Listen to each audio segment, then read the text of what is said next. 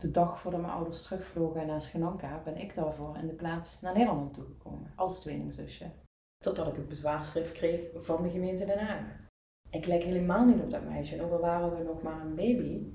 Mijn ouders hadden altijd nog kunnen zeggen, we doen hier niet aan mee. Welkom bij Pink Cloud Project. Mijn naam is Dilani en vandaag zit ik met Deborah. Deborah, welkom. Dankjewel. Deborah, zou jij jezelf eens willen voorstellen? Ja, ehm, ik ben Deborah. Ik ben 35 jaar en ik ben in 1985 geadopteerd uit Sri Lanka. Ik wil eigenlijk bij jou bij je foto beginnen. Want eh, jij hebt een babyfoto gebruikt, wat veel geadopteerden in het project hebben. Maar bij jou staat er een soort zigzag in het midden. Mhm. Hoe komt dat? Ja, die zigzag eh, die staat eigenlijk voor het feit dat we geadopteerd zijn als tweeling, mijn broer en ik. En we zijn geen tweeling. Wanneer kwam je daarachter? Ik was ongeveer 15 jaar. Toen werd het eigenlijk bevestigd. Het eerste eigenlijk wat dan in me opkomt is, hoe is je band dan nu met hun? Eh, met mijn adoptiemoeder heb ik eigenlijk eh, geen contact. En met mijn adoptievader is dat nog, ja, minimaal. Ik moet ook eerlijk bekennen, maar ja, goed, mijn adoptiemoeder, ja, ik heb met haar nooit echt een goede band gehad. En dat zal waarschijnlijk ook wel een van de triggers in mijn leven geweest zijn dat ik eh, nieuwsgierig ben naar mijn adoptie.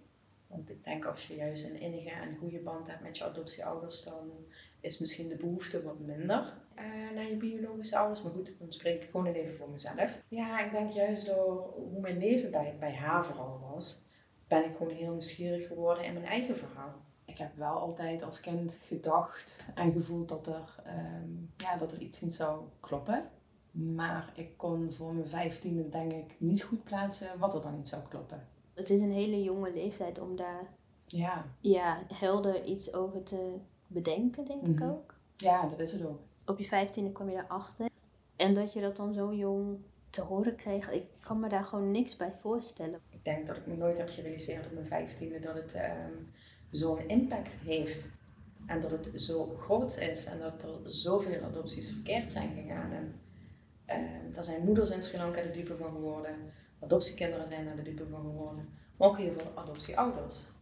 In jouw geval voelt dat dan ook alsof je, ja, klinkt misschien heel bot, maar voelt dat ook alsof jouw ouders de dupe zijn, omdat ze het wel wisten? Ja, misschien, eh, ja, misschien wel een beetje, maar ik vind niet dat mijn ouders hier de dupe van zijn geworden. Ik denk dat broer en ik hier de dupe van zijn geworden. Ja. Mijn ouders hadden altijd kunnen zeggen, we doen hier niet aan mee. En met pijn, met pijn in ons hart vertrekken we dan gewoon zonder een tweede kindje. We laten het hierbij en we gaan bijvoorbeeld nog een keer terug. Daar hebben ze niet voor gekozen op dat moment. Hun zijn ermee ingestemd dat ik op de identiteit van het zusje van mijn broer naar Nederland ben gekomen. Dus we wisten gewoon vanaf het moment dat er iets niet goed was. Weet je dan ook of, jij, of, of er een van jullie dan wel tweeling is? Tja, dat is wel zo'n vraag naar alles wat er fout is gegaan. Mhm. En eh, voor nu is het gewoon zo dat mijn broer is daar geboren met zijn tweelingzusje. Mijn ouders zijn in 1985 aangekomen en ja, die, die wilden graag een jongetje en een meisje. Bij aankomst eh, bleek zijn zusje te ziek te zijn. En die hebben ze dan naar het ziekenhuis gebracht.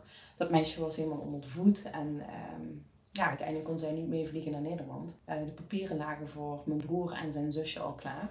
Maar omdat het zusje niet mee kon, ben ik daar dus de dag voordat mijn ouders terugvlogen naar Sri Lanka, ben ik daarvoor in de plaats naar Nederland toegekomen. Als tweelingzusje van mijn broer dan. Het is eigenlijk gewoon echt te bizar voor woorden, want ik denk dat iedere geadopteerde wel een bepaald gevoel heeft met het ouder worden. Hè? Je komt toch uit een ander land.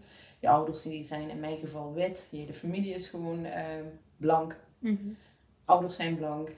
Ehm, dus je voelt je wel al anders.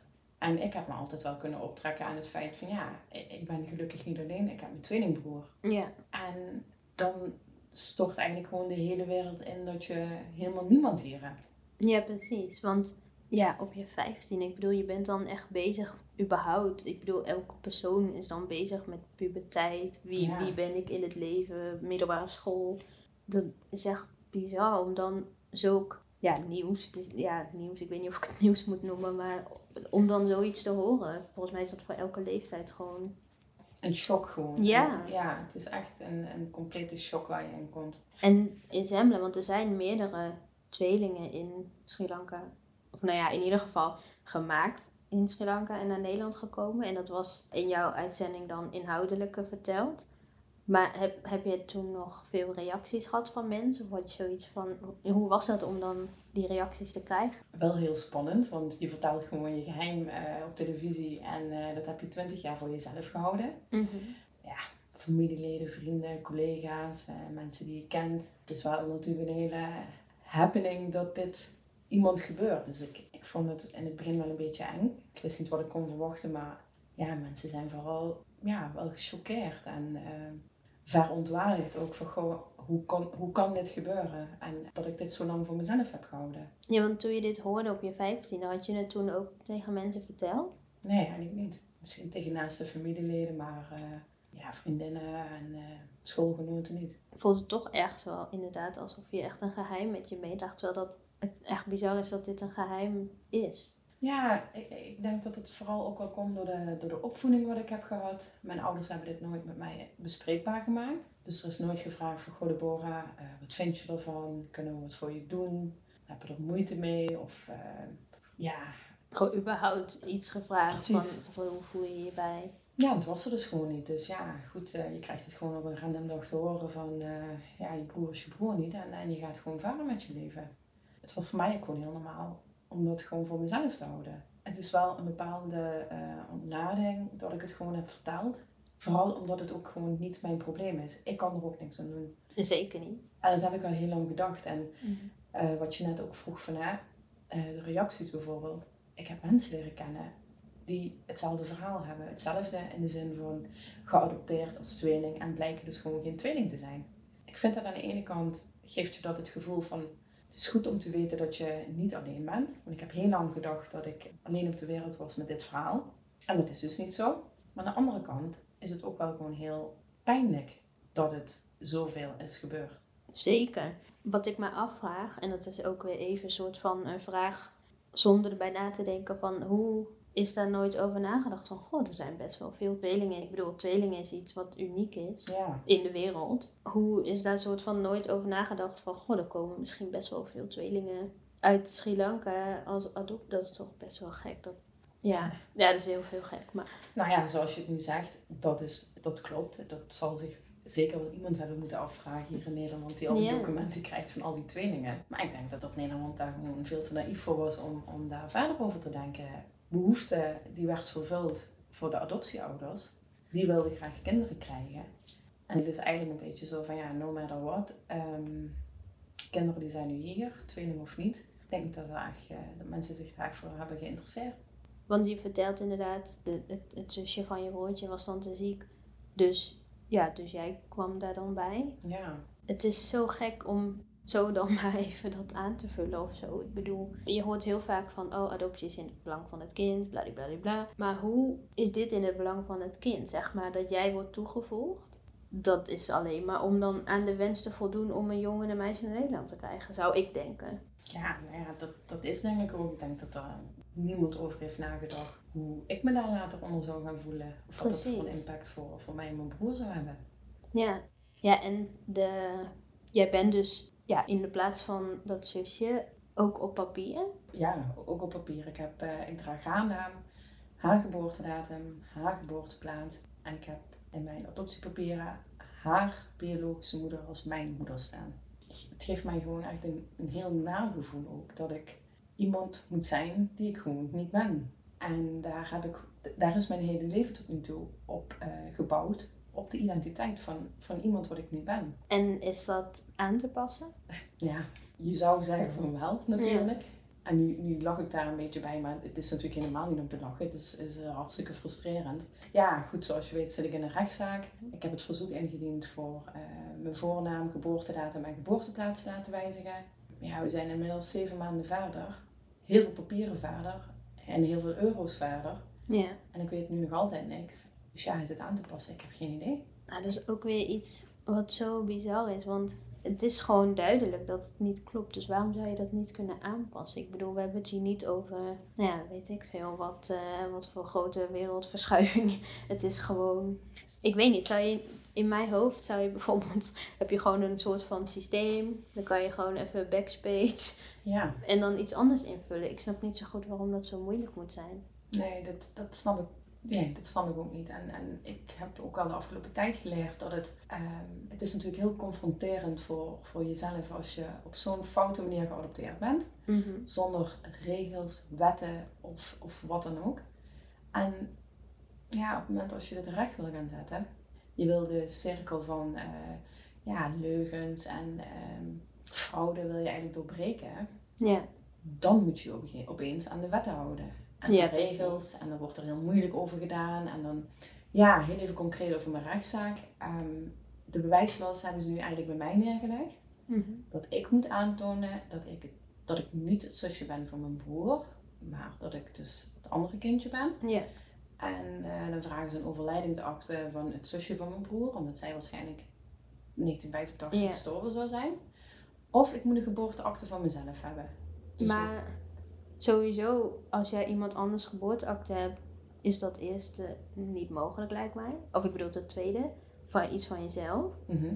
En waarom zou je in godsnaam een overlijdingsakte moeten hebben als je gewoon DNA hebt van jou en je broer? Wat Ja. meer zou je moeten dan DNA? Ik bedoel, DNA liegt niet als dat gewoon laat zien dat dat niet klopt. Ja, dat is helemaal waar, maar ehm, zo wordt daar niet naar gekeken. Mhm. Dus het is ja, echt een trap in je maag als in dit geval gemeente Den Haag zegt. Van nou Deborah, jij maar gewoon naar Sri Lanka. Zorg jij maar dat je die documenten krijgt. En dan is er ook niet meer gezegd van nou dan kunnen we alle gegevens voor je aanpassen. Dat zal wellicht helpen dat mijn zaak wat sterker staat. En ze verwijzen me door naar een expertisecentrum. Wat nog niet bestaat. Maar ik denk dat ze dat geld wat ze gaan investeren in een expertisecentrum. Ik denk dat ze het veel beter kunnen gebruiken om eh, geadopteerde mensen te helpen in hun behoeftes. De kosten voor eh, therapie, voor eh, die documenten op te vragen of voor DNA af te kunnen staan. We moeten dit nu gewoon allemaal zelf betalen. En nog een keer het feit dat je ervoor moet betalen.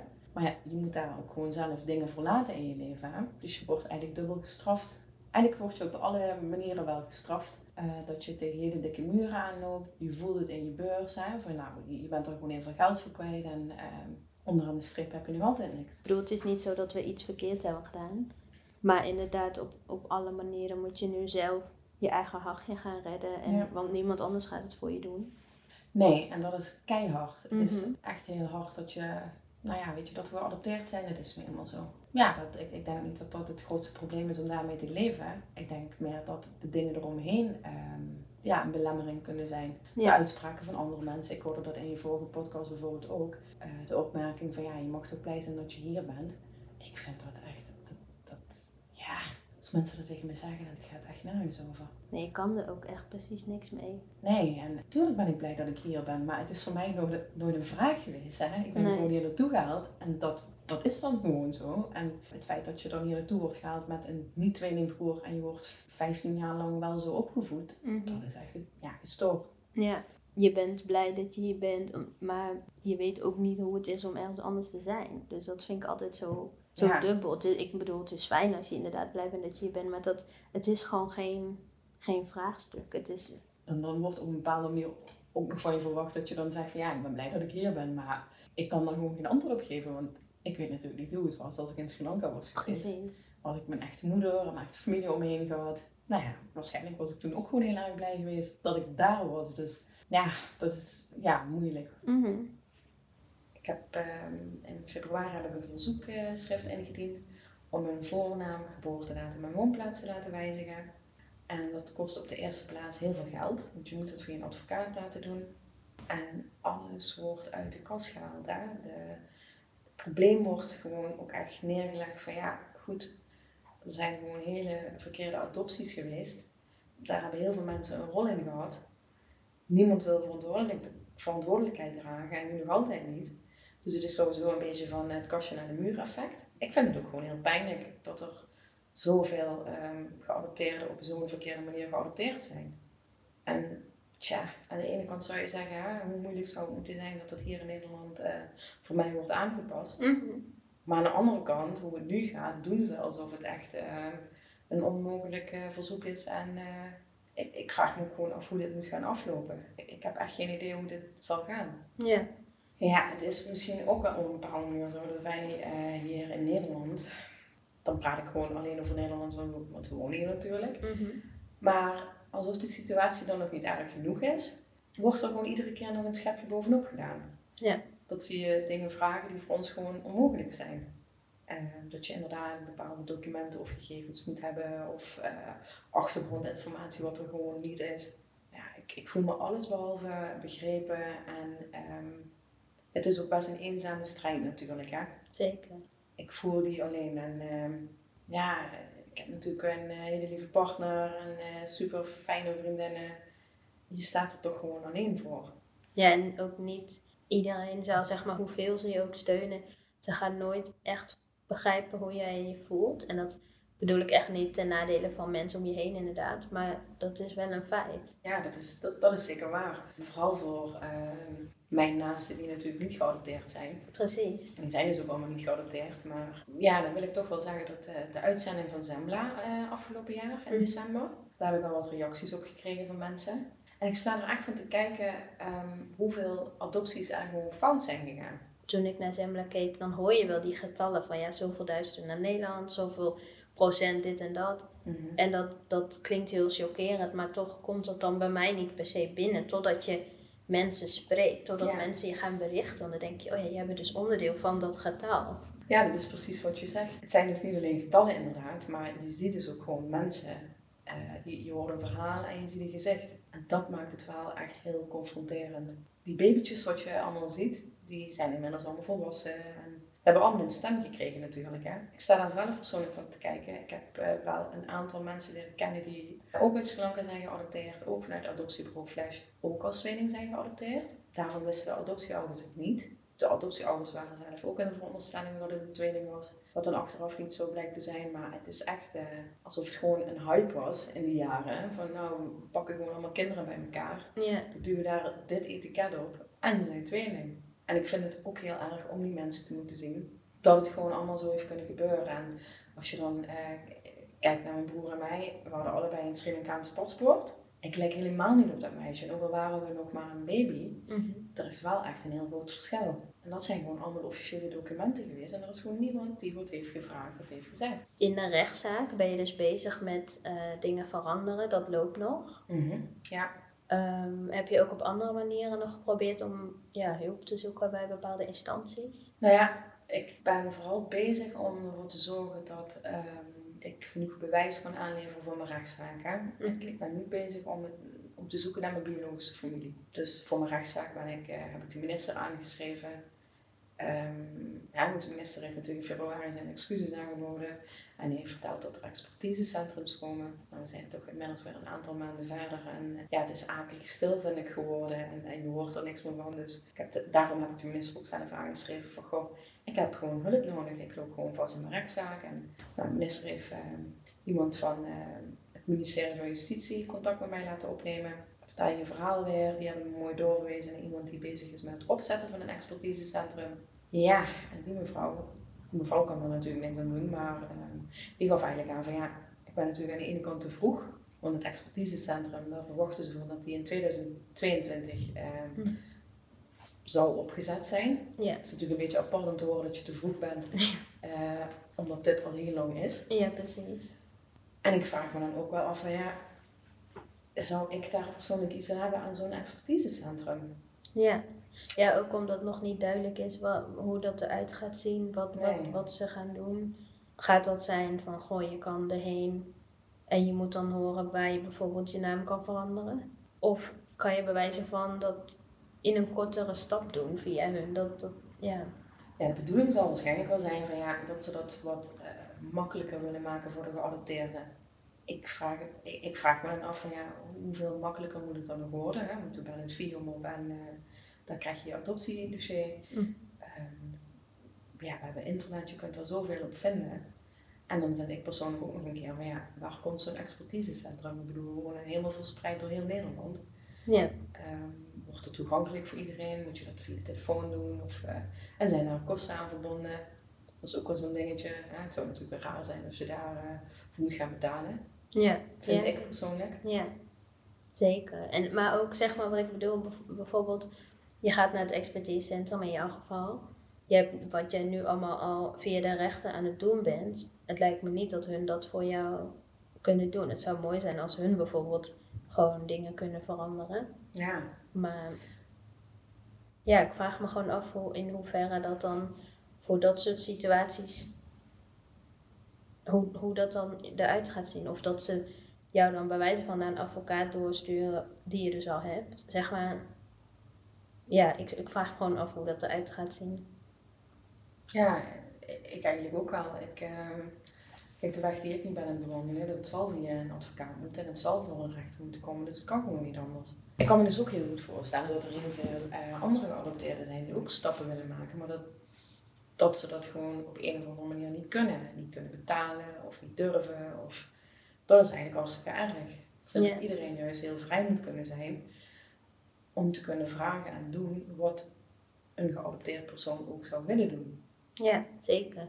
Maar ook als je dus kijkt naar, jij wil dan graag dingen veranderd hebben, heel logisch, want je bent gewoon niet degene waarbij jij, waarvan jij de gegevens hebt.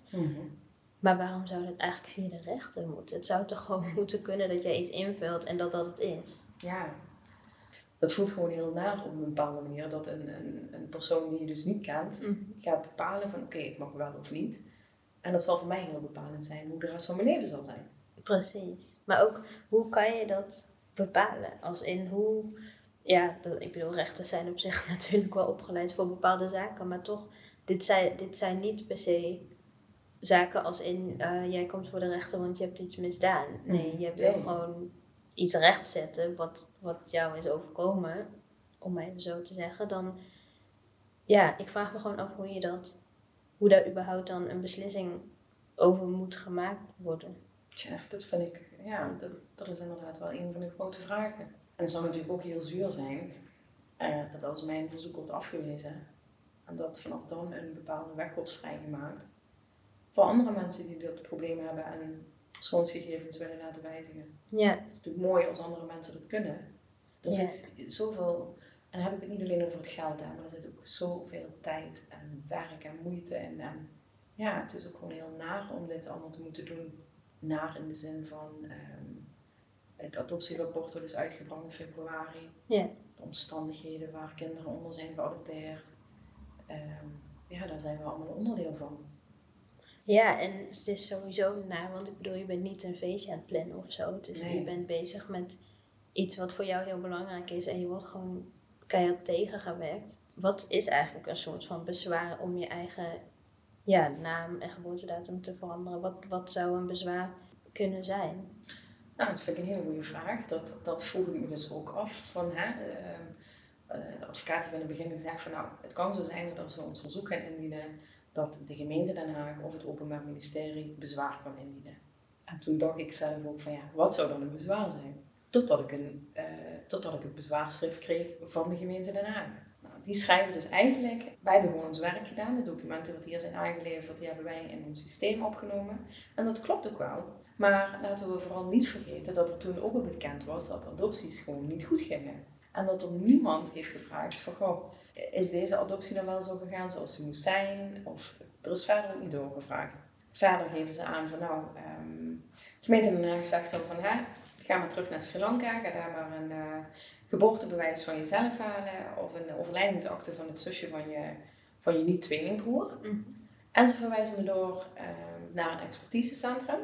Ja. Maar ja, dat expertisecentrum is er pas volgend jaar. Dus een beetje apart dat je daar nou wordt doorverwezen. Want het bestaat dus gewoon nog helemaal niet.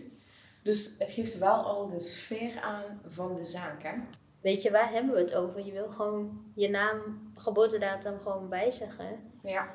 De, hoezo overlijdingsakte? Want er is zoveel gesjoemeld met papieren. Dat, het, is toch, het is toch gewoon bekend bij instanties dat een gedeelte daarvan ook voorkomen had kunnen worden door diezelfde instanties. Door beter toen al te controleren. Absoluut, dat is zeker waar. En, dat voelt ook heel ehm, oneerlijk. Het voelt voor mij heel oneerlijk dat ik op een hele simpele, illegale, makkelijke manier geadopteerd ben. En dat er nu heel moeilijk wordt gedaan voor iets wat ik zelf dan wil rechtzetten. Eh, door mijn verhaal vorig jaar gedaan te hebben bij Zembla, heb ik voor mezelf de cirkel doorbroken om de leugen gewoon niet meer in stand te houden. Ik wil gewoon eerlijk kunnen zijn. En ik wil niet datgene eh, stiekem houden wat er eh 35 jaar geleden is gecreëerd. Wat voor impact heeft het om een andere identiteit te hebben? Ja, voor mij is de impact best groot. iedere keer als je je naam of uh, geboortedatum moet invullen, doorgeven, dan is dat gewoon heel vervelend. Dat je altijd wel ziet van, hé, hey, weet je, dit ben ik gewoon niet. Ik heb daar twintig jaar makkelijker mee kunnen leven, maar het wordt wel steeds moeilijker. Omdat ik me daar ook steeds bewuster van ben. Hoe jonger je bent, hoe uh, minder grote impact denk ik is. Dus toen ik uh, eh, 15 was, schreef ik makkelijker mijn namen op en gaf ik mijn gegevens makkelijker door als de afgelopen jaren. En is het dan ook een soort van onbewust verdrongen, of, of onbewust, ja, die 20 jaar dat je er heel ja, makkelijk mee omging? Is dat misschien omdat je er bijvoorbeeld niet mee omging? Ja, ik dacht nu 20 jaar, doordat ik er met niemand eigenlijk over sprak, dat ik dat wel verwerkt kreeg. Ja, precies. Zo van, als ik er niet over heb, is het precies. ook niet. Maar het is er zeker. En ik heb daar de afgelopen tijd wel echt heel erg veel last van. Dat ik heel veel vragen natuurlijk heb. Je voelt je in de steek gelaten. Je voelt ook gewoon heel erg wat er is gedaan. En dit is natuurlijk niet alleen van de adoptie, maar ook uh, in dit geval mijn adoptiemoeder vooral. Het is gewoon heel jammer allemaal. En uh, ja, je voelt je daar gewoon heel eenzaam in. Ik denk dat het misschien ook voor jou herkenbaar is. Zeker. En die eenzaamheid, dat knaagt af en toe. Ja, dat snap ik inderdaad wel. Ik weet niet of je dat weet, maar hoe, hoe denken jouw adoptieouders de, de, ja, erover? Dat dit zeg maar is gebeurd of is het voor hun echt gewoon totaal niet meer boeiend? Ik denk dat mijn adoptieouders er niet bij stilstaan wat voor impact dit op mij heeft. En dat vind ik aan de ene kant heel jammer, want uh, ik ben zelf natuurlijk ook moeder van twee kinderen. En ik denk dat dat het waarschijnlijk nog moeilijker maakt. Omdat ik zelf kinderen heb, vind ik het ook gewoon heel belangrijk dat hun bepaalde basisbehoeftes en regels en ja, die, wil je gewoon bepaalde dingen meegeven. Ik moest er niet denken dat ik, hun, dat ik niet eerlijk was of dat ik uh, dingen zou verzwijgen. Of ja, noem het maar eigenlijk op wat er bij mij onder mis is gegaan. Dus het is wel eens zo confronterend door mijn eigen moederschap. sta je daar denk je extra bij stil of meer gewoon nu over nadenken dat dat een, een bepaalde link heeft? Nou, ik sta er denk ik wel extra bij stil. Het zal altijd zo zijn dat we moeten leven met het feit dat we geadopteerd zijn. Dat onze vrienden en familie ons tot een bepaalde hoogte zullen begrijpen. Mede-geadopteerden, die voelen je, uh, ja, die voelen meer en, en, die begrijpen je meer. En ik heb zelf ook iemand leren kennen naar aanleiding van de uh, uitzending van Zemna. Mm Zij is ook geadopteerd als tweeling. Zij is er dan achter gekomen toen ze 29 was, dat ze geen tweeling was. Dan is echt mijn, ja, dus op een bepaalde manier zijn we wel maatjes geworden. En zij begrijpt dingen die mijn vriendinnen bijvoorbeeld anders begrijpen of moeilijker begrijpen. Ik wil niet zeggen niet begrijpen. Of ja, misschien ook wel niet kunnen begrijpen. En dat is wel heel fijn om, om iemand of, of mensen om je heen te hebben die, uh, die daar ook vandaan komen. Ja, precies. Die echt gewoon het echt begrijpen omdat ze het zelf ook meemaken. Ja. Ja, dat is zeker fijn. Maar ja, tegelijkertijd ook wel weer dubbel dat het dan, omdat je dan weet dat erachter zit dat diegene dus hetzelfde meemaken. Ja, precies, maar ik denk wel, en, en dat is ook, voor mij is het zo, ik heb jou gezien op televisie en ik hoorde van jou rechtszaken en ik dacht wel van, wow, zij durft. En het heeft mij ook weer een duwtje in de rug gegeven waarom dat ik vorig jaar het gesprek met Samuel ben aangegaan. Ik wist nog van jou, jij hebt dat al gedaan, hè? jij zat in dezelfde uitzending als mij. Daar verschool ik me weer een beetje achter. En doordat ik vorig jaar wel bij Samuel ben geweest, en mensen er ook op gaan reageren. Dus je merkt wel dat er het vuurtje wordt wel op een bepaalde manier doorgegeven. We, we motiveren elkaar wel om dingen te kunnen doen. Ja, ik denk ook wel dat dat heel belangrijk is, omdat het gewoon, ja, het is gewoon belangrijk en het is zo'n groot stuk geschiedenis wat dit is. Maar ook wat jij ook zegt, je bent natuurlijk zelf moeder. Nou ja, ik niet, dus ik weet, ik kan er niet over meepraten. Maar ik kan me wel voorstellen dat het gewoon verder gaat dan alleen jou. Ja. Zeg maar, deze issues, ja, dat, dat, dat, dat gaat verder in je kinderen dat gaat ook nou ja, in je omgeving, uh, vrienden, bewijzen van die, het feit dat die dan misschien niet altijd alles snappen. Dat is zeg maar ook al wel onderdeel van het feit dat het dus ook gewoon bizar is, de situatie. Ja, dat is zeker waar. Nou, met deze rechtszaak zal niet gezegd worden als, als uh, mijn verzoek wordt toegekend dat daarmee uh, mijn dingen zijn opgelost. Mm. En dat het dan maar allemaal oké is. Ik denk juist dat als mijn verzoek wordt toegekend, dat dat een grote pleister is op, op een wond. Ik zal hoe dan ook altijd met teleurstellingen moeten blijven leven. Of mijn verzoek nu wordt toegekend of niet. Maar het zou mijn leven wel een stukje fijner maken. Als ik mijn eigen identiteit zou krijgen. En ik zal dan nog altijd niet weten wie mijn echte familie is. En waarom ik op deze manier geadopteerd ben. En, maar waarschijnlijk zou ik dat wel beter kunnen verdragen als de pijn op wat het nu eigenlijk is. En Ja. er brengt natuurlijk ook een stuk erkenning mee. Hè? Als, je als je het verzoek eh, krijgt, dan erkent Nederland, of wie dan ook, wel, ja goed, oké, er is wat fout gegaan en we gaan het gewoon proberen recht te zetten. Ja, en om daar nog even iets aan toe te voegen, het, het lijkt nu ook gewoon dat iedereen met de vinger naar elkaar wijst. Ja. En met iedereen bedoel ik de staat, het Openbaar Ministerie, gemeente Den Haag, eigenlijk iedereen. Mhm. Iedereen is met de vinger naar elkaar aan het wijzen van ja, jij krijgt de schuld, jij krijgt de schuld of jij krijgt de schuld. Nou, mij maakt het niet uit wie de schuld krijgt. Want ik ben niet op zoek naar iemand die de schuld krijgt. Nee. Ik ben gewoon op zoek naar iemand die zegt van oké, dit is fout gegaan, we gaan nu kijken wat we wel voor je kunnen doen. Ja, maar het is inderdaad wel zo dat je wordt gewoon letterlijk van het kastje naar de muur gestuurd. En het gaat niet om inderdaad wie, wie iets gedaan heeft bij jou. Je wil gewoon dat iets wordt aangepast. En eigenlijk is zeg maar de hele conclusie dat je je eigen identiteit wil. Maar ja, en voor mensen is het heel vanzelfsprekend om een eigen identiteit te hebben. Ik denk dat veel mensen niet daarbij nadenken dat dat überhaupt een issue zou kunnen zijn. Of dat je van iemand anders een identiteit hebt. Of, of dat er iets niet klopt. Want ja, dat, dat is gewoon bij wijze van in Nederland, je wordt geboren, je krijgt een naam en that's it. Ja, klopt. Het is zo'n zo'n gek iets ook. Het klinkt bijna een beetje als een, een slechte film als je het vertelt. Ja, klopt helemaal. Ehm, het is wat je zegt. Voor iedereen is het heel vanzelfsprekend. Er zijn uitzonderingen. Voor mij is het wel gewoon heel belangrijk. Ja, het zou gewoon wat meer rust in mijn leven brengen als ik ook gewoon iets heb van mezelf. Wat normaal zou moeten zijn. We hebben het nu over je naam gehad. Maar het is ook je geboortedatum. Ja. Die dus ook niet klopt. Maar dat lijkt me ook best wel gek. Even een heel random, simpel voorbeeld. Maar misschien kunnen mensen zich dan iets beter ook begrijpen hoe krom dat is. Stel, ik vul iets in bij een winkel online met je geboortedatum. Dan krijg je dus e-mailtjes van 10% korting, want je bent jarig. Even heel Ja. random. Maar hoe vul jij dan die datum in? Of vul je een andere datum in? Want bij sommige dingen kan je niks anders invullen dan wat op je bewijs staat, je identiteit. Ja, klopt. Hoe werkt dat? Nou, voor mij werkt dat dat ik bij 9 van de 10 dingen waar ik mijn geboortedatum moet invullen, vul ik dus de geboortedatum van het zusje van mijn broer in. Eh, dat is 4 oktober. Ja. En dan is mijn broer ook jarig. En dan word je gespamd van alle kanten dat je dan jarig bent. Ja. Ja, goed, er zijn enkele mensen die denken nog dat ik eh, de tweelingzus van ben. Dus eh, die feliciteren je dan nog op 4 oktober. Maar officieel ben ik dus 26 oktober jarig.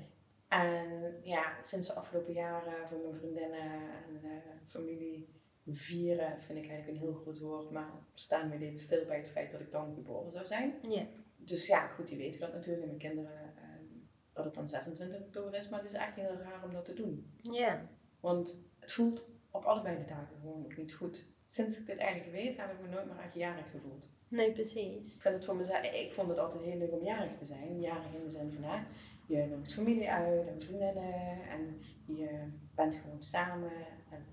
Ja, ik vond het gewoon leuk om jarig te zijn. Ja. En dat heb ik gewoon helemaal niet meer. En wat ik nog heel even voor mezelf dan wil zeggen, is dat ik het dan wel heel bijzonder vind. Ik ben jonge moeder geworden. Ehm, ik heb eh, een zoon gekregen op 26 augustus. Mijn andere zoon is geboren op 26 februari. Oh, wauw. Ik ben eh, natuurlijk bevallen, niet ingeleid. En bij de eerste bevalling dacht ik nog van, nou ja, dat is dan echt heel toevallig. Hè? Van de 30 of 31 dagen wat we hebben in een maand, Mhm. wordt hij dan gewoon op dezelfde geboortedag als mij geboren. Ja. En ik kon het tegen niemand vertellen, want niemand wist het natuurlijk. En daarna, een paar jaar later, kreeg ik mijn tweede zoon. En die werd dan geboren op 26 februari. Dus ik vind het dan wel heel mooi, ondanks hoe alles is gelopen en hoe stiekem er ook over is gedaan. Dat ik wel het gevoel heb van 26 oktober, de dag dat ik dan ook eigenlijk voor de echt geboren zou zijn, heb ik ook gewoon mijn twee kinderen gekregen. Heel bijgelovig, of hoe je het ook wil zeggen, maar dat voelt voor mij wel heel warm. Van weet je Deborah, misschien is dat ook wel iets van probeer je eigen identiteit niet te vergeten. Of ja, het is heel bizar dat Ja. dat gebeurt. Wel heel mooi, inderdaad. Ja, Ook wel bizar dat, wat jij even teruggaan naar het begin van het gesprek. Jij zei dat je vroeger al iets voelde, maar je wist niet wat. En uiteindelijk bleek het dus nog veel groter dan je dacht, want je bent geen tweeling. Mhm. Ja, het is eigenlijk ook wel heel mooi om dan ja, toch een soort van op je eigen intuïtie te kunnen vertrouwen, of op je gevoel, want dat zegt wel echt degelijk iets. ja tuurlijk. Ik denk dat je ook gewoon altijd moet doen wat je voelt. Ik denk juist dat het heel goed is als je bepaalde dingen aanvoelt of voelt, om daar ook iets mee te doen. Ja. Ja, de uitspraken, hè? ik heb een uh, raar onderbuikgevoel of uh, ja, dat begrijp ik nu wel. Ja. Dat, dat is zeker wel waar op een bepaalde manier. En heb je ook ambitie om wel uit te zoeken wie je ouders zijn of niet per se? Nou, op dit moment nog niet. Het hangt waarschijnlijk ook wel af van hoe mijn rechtszaak dadelijk afloopt. De vraag van, hè, goh, ben je nieuwsgierig, uh, hoe je ouders eruit zien? Tuurlijk ben ik dat. Tuurlijk vraag ik me af waar ik vandaan kom. Dat zal ik waarschijnlijk ook altijd blijven behouden. Um, ook omdat ik bij mijn kinderen zie van, goh, hè, die hebben donkere ogen en donkere haren van mij.